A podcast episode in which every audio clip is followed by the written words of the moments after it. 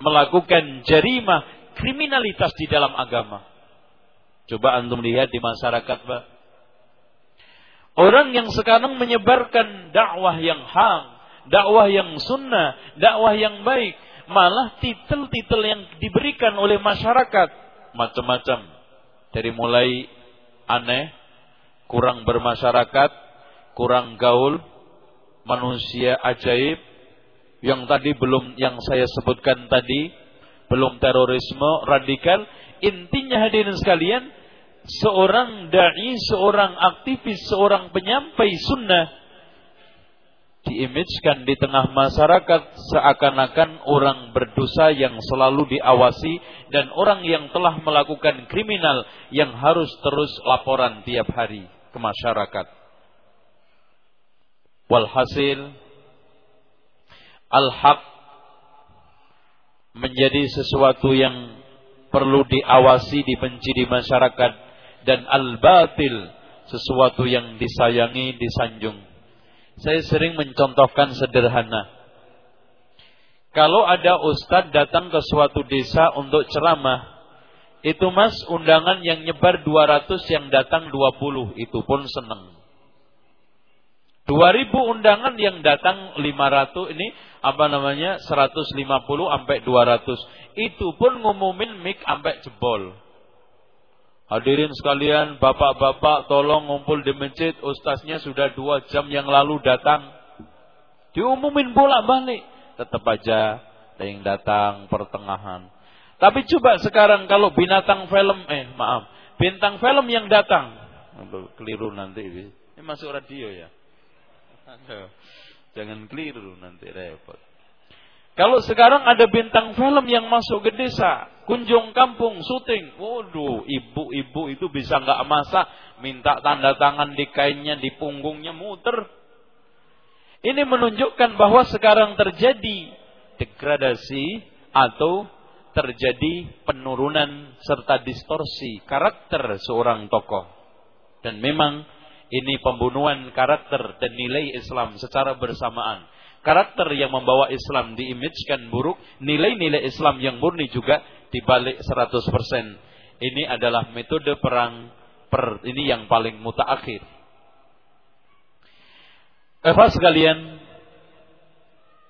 tentang berbicara masalah tradisi juga di sekitar antum cukup banyak. Bahkan belum selesai kita urusin satu tradisi sudah muncul lain. Kita perangi bid'ah yang satu, belum selesai sudah muncul bentuk bid'ah yang baru. Padahal hadirin sekalian, kalau kita membaca petuah-petuah dari ulama-ulama dulu tentang bahayanya bid'ah, masya Allah, Abul Jauza mengatakan, kalau seandainya aku bertetangga dengan kera ama babi itu lebih mendingan ketimbang saya bertetangga dengan ahli bid'ah. Abul Jauza ini pernyataan juga dinukil oleh Syekh Ibrahim Ar-Ruhaili di dalam kitab Mauqif Ahli Sunnah wal Jamaah min Ahli Ahwa'i wal Bidah yang sudah saya terjemahkan judulnya Manhaj Ahli Sunnah wal Jamaah di dalam menghadapi ahli bid'ah. Betul. Tetapi sekarang hadirin sekalian, kenapa kita kurang sensitif terhadap kemungkaran itu? Kurang sensitif terhadap kebid'ahan itu? Karena memang kita ini berada dikelilingi. Akhirnya apa? Sesat-sesat biasa kita lihat tiap hari mas. Lambat laun akan kita anggap ringan. Contoh, orang pertama kali bau sampah bantar gebang. Itu mungkin puyeng, mungkin pingsan, mungkin muntah-muntah. Karena udah kadung tiap hari, tiap tiap saat hidup di sekitar sampah itu, lambat laun sampah itu jadi sedep Akhirnya apa? Bid'ah yang dianggap oleh ulama berbahaya itu sudah kita anggap kecil, ringan. Itulah yang dikatakan oleh Abu Sa'id Al-Khudri. Ya, kalian-kalian melakukan satu amalan yang kalian anggap lebih ringan dari sebekan rambut, lebih lembut daripada apa ini? Sisiran rambut. Tetapi kami anggap di zaman Rasulullah minal mubiqat termasuk sesuatu yang menghancurkan. Kenapa? karena mereka hidup di zaman yang murni khairun nas kita hidup di zaman penuh sekitar kita bau sampah jadi lama kelamaan kalau nggak bau sampah itu malah puyeng. Kemudian latar belakang yang ketiga kita mengangkat buku ini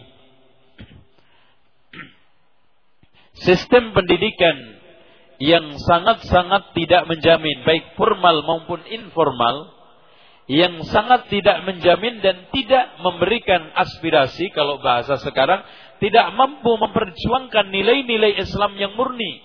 Mas, sekarang kalau kita bisa data di seluruh Indonesia, ma'had, sekolahan apalagi yang negeri yang sanggup memperjuangkan jangankan nilai seluruhnya. Udahlah nggak usah jauh-jauh.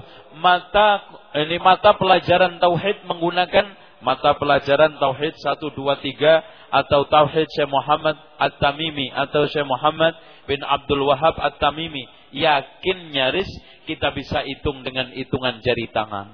Bahkan kalau ada namanya Muhammad bin Abdul Wahab langsung bulu kudunya merinding jangankan pakai bukunya maka ada yang mencoba untuk menyiasati dipindahlah penulis buku kitab Tauhid Muhammad At-Tamimi. Ini barangkali lain ini. Padahal sama itu. Kenapa hadirin sekalian?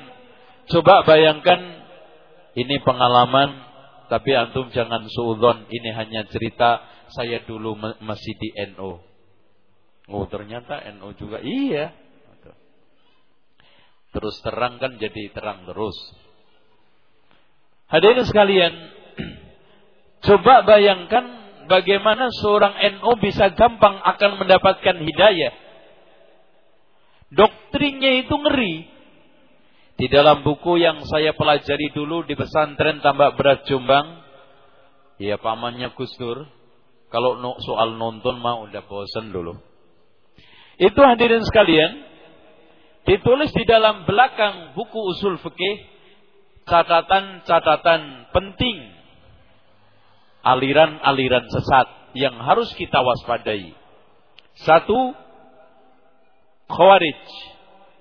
Tokohnya Ibnu Taimiyah. Masya Allah. Anak dulu percaya gitu. Ma ini pokoknya Pak anak dulu masuk ke Libya dengar Ibnu Taimiyah aja udah pingsan gitu ibaratnya. Waduh ini musuh kita ini. Wah, benar yang dikatakan kiai saya ini sarangnya Wahabi ini ya. Kemudian dua Rafidah, tokohnya Ibnu Qayyim. Rafidah Ibnu Qayyim. Itu bukunya masih ada di rumah. Dan yang ketiga Wahabiyah jelas tokohnya Muhammad bin Abdul Wahab. Dan doktrin wejangan-wejangan nanti kalau kamu keluar dari pesantren ini belajar kuliah ke Libya, udahlah ambil duitnya sama bahasanya aja. Gitu. Pokoknya ilmunya jangan, hati-hati, kamu bisa kualat. Sampai akhirnya pada saat saya setahun sekolah di sana, biasalah alumni kan kunjungan ke pesantren. Di saat itu kita dialog mencoba untuk membuka wacana baru di pesantren. Itu bukan ditanggapin dengan otak, tapi bawa batu gede Ente kalau nggak keluar pulang tak wantem batu gede ini loh. Itu udah diangkat.